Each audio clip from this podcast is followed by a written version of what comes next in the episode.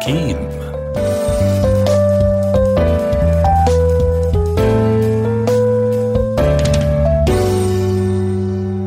أهلا بكم مستمعينا في هذه الحلقة الجديدة من البرنامج الأسبوعي حكيم على أثير راديو الكل. نبدأ معكم مستمعينا بآخر التطورات المتعلقة بفيروس كورونا.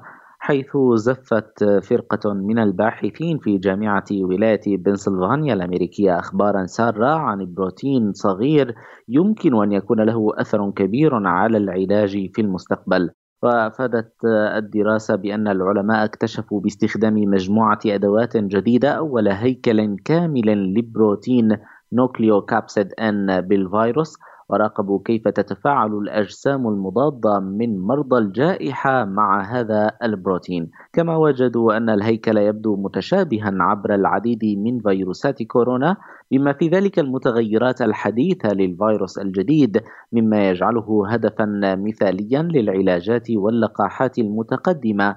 وأبلغوا عن نتائجهم في العدد الأخير من دورية نانوسكيل. في دوره أوضح ديبكلي أستاذ الهندسة الطبية الحيوية بجامعة ولاية بنسلفانيا والذي قاد البحث أنه من المحتمل أن تساعد العلاجات المصممة لاستهداف هذا البروتين في القضاء على الأعراض الأكثر قسوة أو الدائمة التي يعاني منها بعض الأشخاص وفق ما نقل موقع العربية.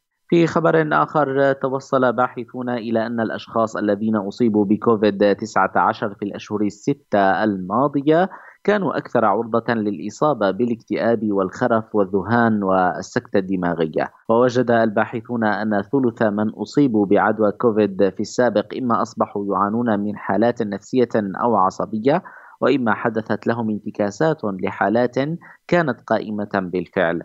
وكان المصابون الذين نقلوا إلى المستشفيات أو أقسام العناية الفائقة أكثر عرضة للخطر.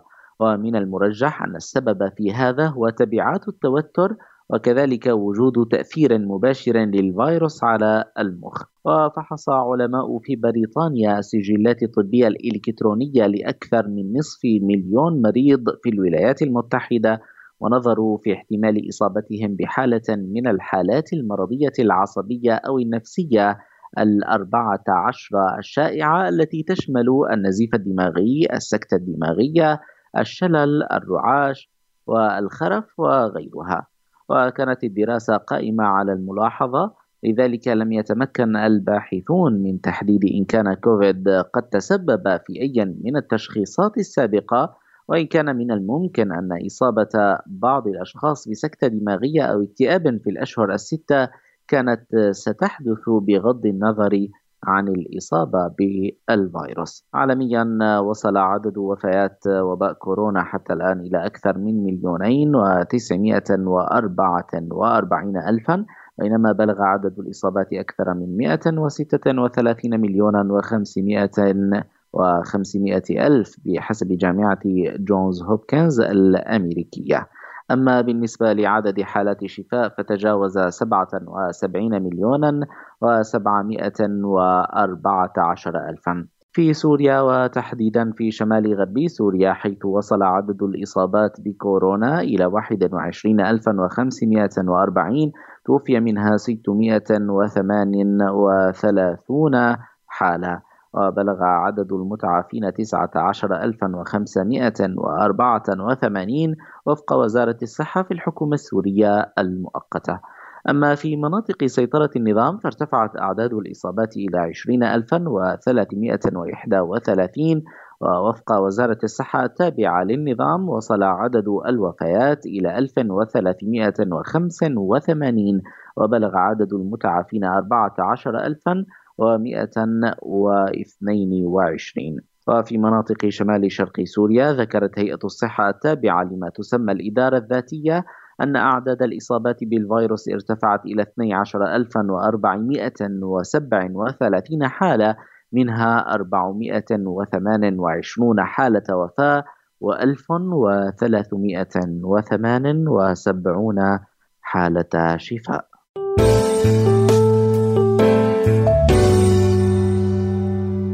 وننتقل معكم مستمعينا إلى فقرتنا الثانية من برنامج حكيم والتي سنتحدث فيها عن التهاب الأذن الوسطى وتفاصيله وأساليب الوقاية منه.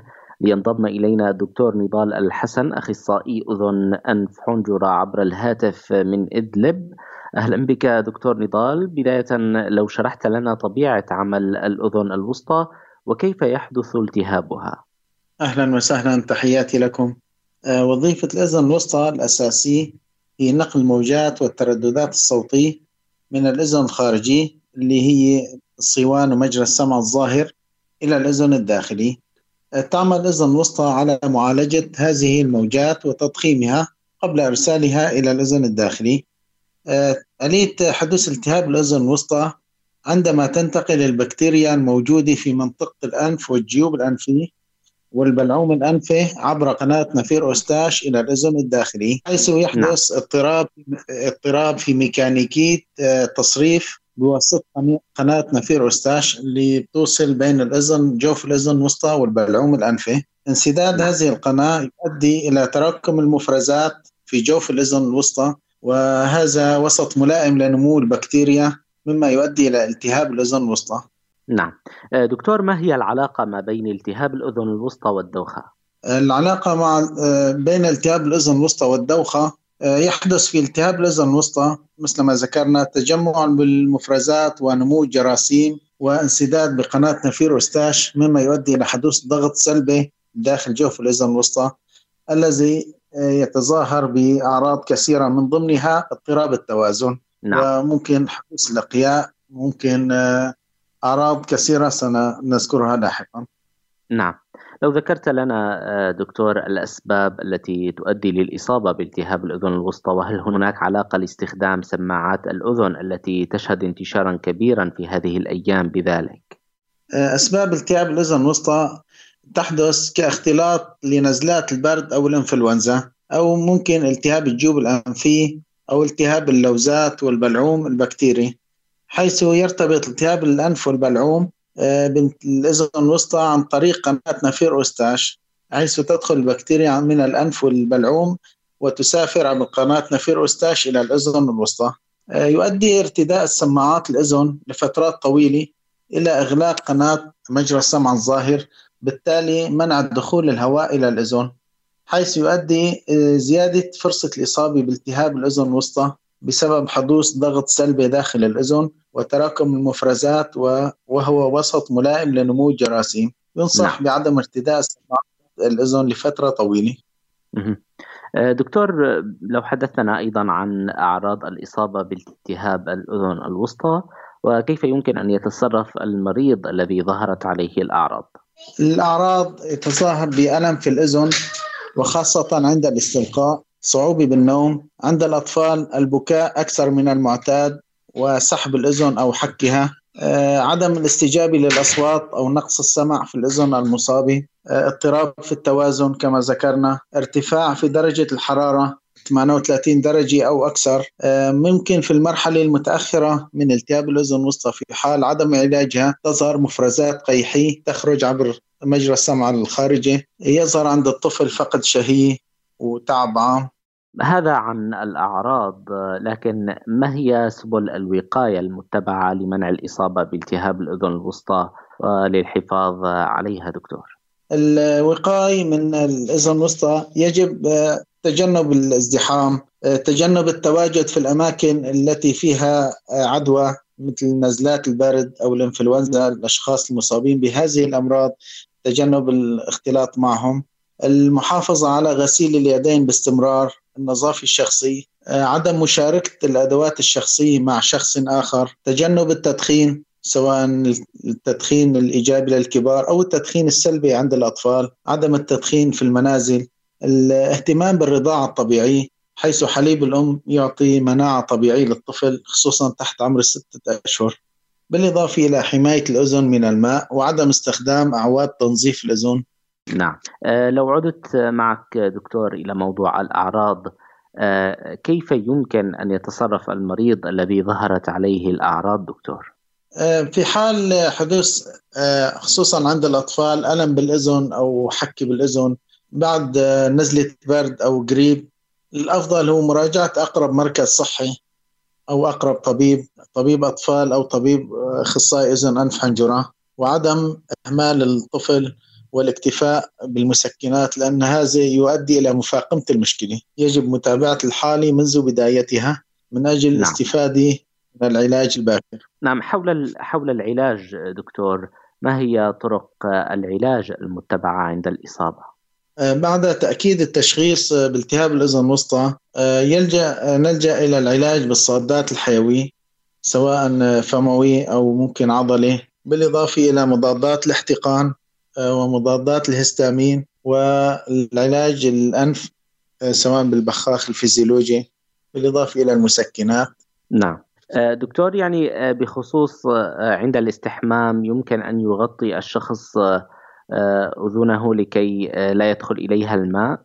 طبعا. بالتهاب الأذن الوسطى دخول الماء إلى الأذن يغير الوسط داخل مجرى السمع. وإذا كان هناك ثقب في غشاء الطبل يؤدي إلى دخول الماء إلى الأذن الوسطى يؤدي إلى التهابات بالأذن. آه، ينصح كل المرضى الذين لديهم انسقاب في غشاء الطبل بحماية الأذن من الماء عن طريق آه، سدادات من القطن والفازلين أو السدادات الخاصة لمجرى السمع الظاهر. وحماية الأذن من الماء يعتبر يعني من أهم طرق العلاج في التهاب الأذن الوسطى. نعم. دكتور ختاما لو ذكرت لنا إذا ما كان هناك أي نصائح أو إضافات ترغب في توجيهها للمستمعين. النصائح أهمها آه، الاهتمام بالنظافة الشخصية وحماية الأذن من الماء وعدم إهمال أي عرض يظهر على الطفل من ألم أذن والمبادرة إلى مراجعة الطبيب أو أقرب مركز صحي في حال ظهر السيلان قيحي من الأذن. يجب تنظيف الأذن مسحة من الخارج ومراجعة الطبيب فورا من أجل استكمال العلاج وإيقاف التدخين وتجنب الأماكن المزدحمة والمرضى المصابين بنزلات البرد والإنفلونزا.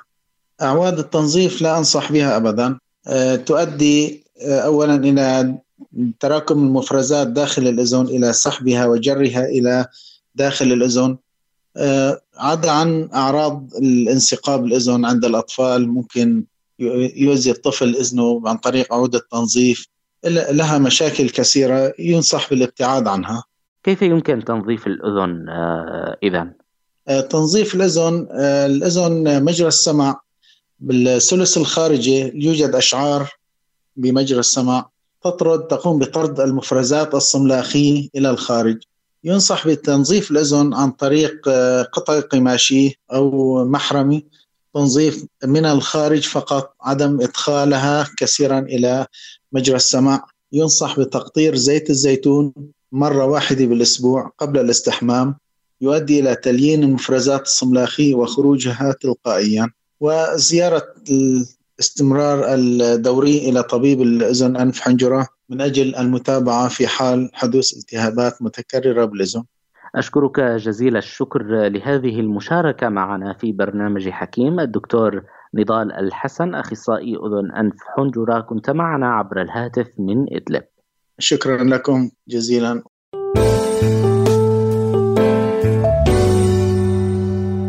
تتصاعد أعداد إصابات فيروس كورونا في الشمال السوري يوما بعد يوم ما ينذر باقتراب موجة ثانية من الإصابات في المنطقة. نستمع لتفاصيل أكثر في التقرير الآتي ونعود معكم لنتابع في هذا الموضوع. في ظل تصاعد أعداد الإصابات بفيروس كورونا في شمال غرب سوريا يمكن أن تدخل المنطقة في موجة جديدة. الأمر الذي دعا الجهات الطبية والمعنية لتحذير الأهالي ودعوتهم لتطبيق إجراءات الوقاية لا سيما أن المنطقة مكتظة بالسكان وخاصة المخيمات إلا أن العديد من الأهالي يلاحظون عدم تطبيق إجراءات الوقاية في المنطقة حيث يتحدث بعضهم ممن التقاهم راديو الكل عن مدى تطبيقهم والمحيطين بهم لإجراءات الوقاية في ظل الحديث عن موجة ثانية من انتشار الفيروس. بالنسبة إلي ما بتبع الإجراءات الوقائية لفيروس كورونا. أغلب الأشخاص الموجودين حوالي أو بشكل عام هن ما بتبعوا الإجراءات الوقائية. طبعا أغلب الأسواق فاتحة المساجد المدارس يعني بشكل عام هن ما بتبعوا الإجراءات الوقائية. بالنسبة للإجراءات الوقائية عم بتخذها بشكل معتدل. يعني إني أعقم بيتي آه، بالمواد المعقمة المواد المعطرة. آه، إني تستخدم كفوف وكمامات ماني عم بستخدم كثير منه من نسبة الغلاء الأسعار الموجودة بالمنطقة اللي نحن فيها وما حدا متقيد يعني. آه، بس عم حاول قدر الإمكان إني أبتعد عن الناس ويعني أحاول بالتباعد الاجتماعي.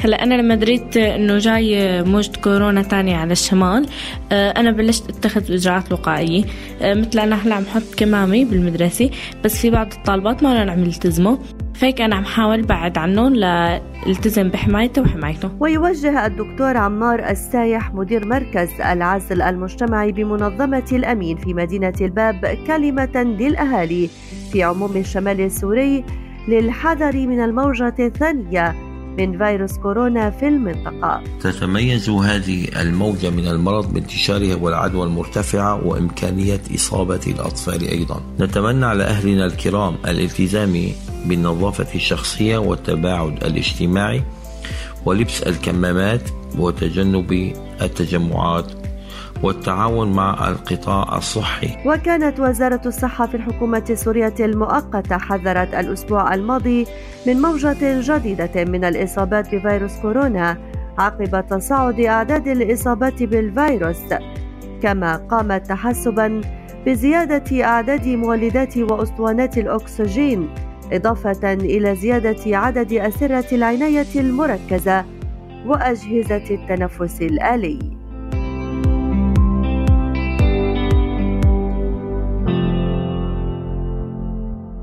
وللحديث أكثر عن هذا الموضوع ينضم إلينا الدكتور رامي كلزي مدير البرامج الصحية في وزارة الصحة بالحكومة السورية المؤقتة عبر الهاتف من تركيا. أهلا بك دكتور رامي. بداية آه، في ظل ازدياد أعداد الإصابات في مناطق سوريا عموما سواء في مناطق سيطرة النظام أو في مناطق شمال شرق سوريا ما هي الإجراءات التي تعملون عليها لتحذير المدنيين من الموجة الثالثة من فيروس كورونا في شمال غرب سوريا. حياكم الله شكرا جزيلا. بالحقيقة يعني هي الموجة الثانية في شمال غرب سوريا ليست الثالثة الحمد لله. ولحد الآن لا نستطيع القول أننا دخلنا في الموجة الثانية. الأعداد يعني مستقرة من حيث الإصابات. ولكن من حيث التوعية نعم نقوم بتكثيف الجهود للتوعية. حذرا وتخوفا من الدخول بالموجة الثانية لا قدر الله. سنقوم بتحريك الفرق للزيارات إلى المخيمات وإلى المنازل و آه، يعني استهداف خطباء المساجد والقادة المجتمعيين للتحذير أو لتحذير السكان من الموجه الثانية من حيث آه، ارتداء الكمامة لتجنب التجمعات وهو أهم ما في الأمر حقيقة تجنب التجمعات وألغاء المناسبات أو تأجيلها التي يمكن الغائها أو تأجيلها خاصة الجماعيه منها. مع أخذ الاحتياط قدر الإمكان عند الاحتكاك مع الناس و آه، يعني اخذ بعين الاعتبار مسافه الأمان الجسدي. نعم. آه، دكتور هل تعتبر أعداد الإصابات في مناطق شمال غرب سوريا مقبولة حتى الآن أم أن هناك ارتفاع ملحوظ وخطر؟ لا يوجد ارتفاع خطر حقيقة يوجد ارتفاع ملحوظ إلى حد ما ولكن لا لا يعتبر خطرا لحد الآن منذ بضعة أيام سجلنا سجلنا حوالي 30 إصابة لحوالي ثلاث أيام متتالية آه، وكانت ضمن عنقودين مجتمعيين تم حصار الإصابات بشكل مباشر ونقل المصابين إلى مراكز العزل المجتمعي آه، لتجنب آه، يعني اختلاطهم مع الناس السليمين وانخفضت أعداد الإصابات بشكل مباشر في اليوم التالي وبالتالي نقول أن الإصابات لا تزال ضمن الحدود المقبولة إن شاء الله. نعم. دكتور هل برأيك الإجراءات التي يتم اتخاذها في المنطقة وتطبيق الأهالي لها كافي لجعل الإصابات أقل ما هي الإجراءات اللازمة لذلك ويتعذر تطبيقها بسبب الظروف الراهنة للشمال السوري؟ يعني حقيقة الناس يعني آخر همها هو الكورونا بصراحة وأنا كنت في زيارة ميدانية خلال بضعة أيام قليلة لفترة أسبوعين تقريبا في كامل المناطق المحررة ف يعني الإجراءات الوقائية آه، لا تكاد تذكر بصراحة. ولكن بالنسبة لنا ك يعني فاعلين في الإدارة الصحية والقطاع الصحي نرى أن الأمر لا يزال يعني لديه هامش واسع من المرونة آه، وترك الحرية للناس لأن أعداد الإصابات كما ذكرنا لا تزال ضمن الحدود المعقولة جدا. نسب إشغال المنشآت آه، سواء عناية مشددة أو أجنحة أو مراكز العمل المجتمعي لا تزال منخفضة جدا. وبالتالي يعني لا نريد أن نضغط على الناس بسبب الظروف الاقتصادية للمنطقه وللسكان نعم. بسبب يعني الضغوطات الموجودة عليهم مسبقا. ولكن نقوم دائما بالتوعية والتحذير وخاصة لما عندما يعني لاحظنا ارتفاعا مجددا في عدد الإصابات بعد ما كنا نسجل صفر أو واحد حاله لعدة أيام متتالية. لاحظنا نعم. لا يعني وصلنا إلى 20 أو 10 أو 30 فنقوم بالتوعية، الإجراءات ليست كافية من قبل السكان ولكن لا نريد فرض أي شيء حاليا طالما السياق يعني يتحمل كما نقول. نعم. آه، ختاما دكتور لو عرجنا على آه، لقاح الفيروس إلى أين وصلت الجهود لإحضاره للمنطقة ومتى يمكن أن يصل؟ آه، كل شيء جاهز بالنسبة للتلقيح. تم تحديد 92 مركز لتوزيع اللقاحات لأن لقاح كوفيد يختلف عن لقاحات الأمراض الأخرى أنه حصان في مراكز ثابتة لا يتم بفرغ جواله آه، تم تحديد 92 مركز لتغطي كافة الجغرافيا المحررة وتجهيز سلاسل التبريد وتدريب الكوادر الصحيه خاصة التمريض على اعطاء هذه اللقاحات وخصوصيتها. آه، ننتظر فقط وصول اللقاحات موعودون من قبل منظمة الصحة العالمية ومبادرة كوفاكس أن تصل في أواخر هذا الشهر أو بدايات الشهر الجاري القادم إن شاء الله. نعم. أشكرك جزيل الشكر لهذه المشاركة معنا في برنامج حكيم. الدكتور رامي كلزي مدير البرامج الصحية في وزارة الصحة بالحكومة السورية المؤقتة كنت معنا عبر الهاتف من تركيا. شكرا لكم.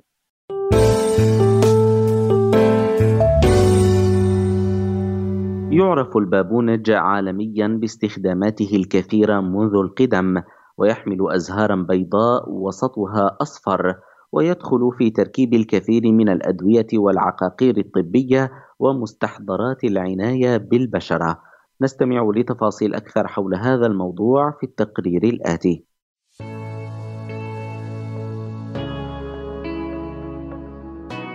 يتصدر البابونج قائمة الأعشاب الطبية حيث اشتهر بقدرته على معالجة العديد من الأمراض والعوارض المرضية لاحتوائه على مضادات الأكسدة التي تجعله بمثابة مضاد للالتهابات إذ يحتوي على ماتريسين وألفا بيسابولول بالإضافة إلى أنه يتميز بعدة خصائص طبية فهو مسكن ومضاد للتشنجات ومطهر ومهدئ ومقوٍ للمناعة ومضاد للحمى. ويعمل البابونج أيضا على تعزيز مناعة الجسم ورفع مقاومته كما يعالج أعراض نزلات البرد. ويعتبر مغلي البابونج مهدئا للأعصاب ومساعدا على الاسترخاء ومخففا من أعراض الأرق واضطرابات النوم لاحتوائه على الإبيجينين الذي يعمل على تثبيط نشاط الخلايا العصبية المسؤولة عن القلق والتوتر. ويستخدم البابونج لعلاج المشاكل الجلدية ومحاربة آثار حب الشباب وحماية البشرة من الندوب وحماية الجلد من حروق الشمس وتقرحات الفم كما يخفف من أعراض الدورة الشهرية لدى النساء حيث يعمل على تخفيف التشنجات العضلية وتقلصات الرحم وآلام الظهر. وأكدت دراسة أجرتها جامعة ميريلاند الأمريكية أن البابونج يساهم في علاج اضطرابات الجهاز الهضمي الحادة والمزمنة والتشنجات المعوية والإسهال وعسر الهضم وانتفاخ البطن واضطرابات القولون لاحتوائه على زيوت من خواصها. أنها مضادة للالتهابات والتشنجات ويعمل كعلاج مساعد للتخلص من التهاب المجاري البولية وقروح المعدة. وللبابونج فوائد شتى للأطفال حيث يعالج مشاكل المغص والإسهال لدى الرضع ويهدئ من اضطرابات المعدة. وتؤكد الدراسات أن البابونج يستخدم أيضا في علاج الصداع النصفي والدوخة والغثيان.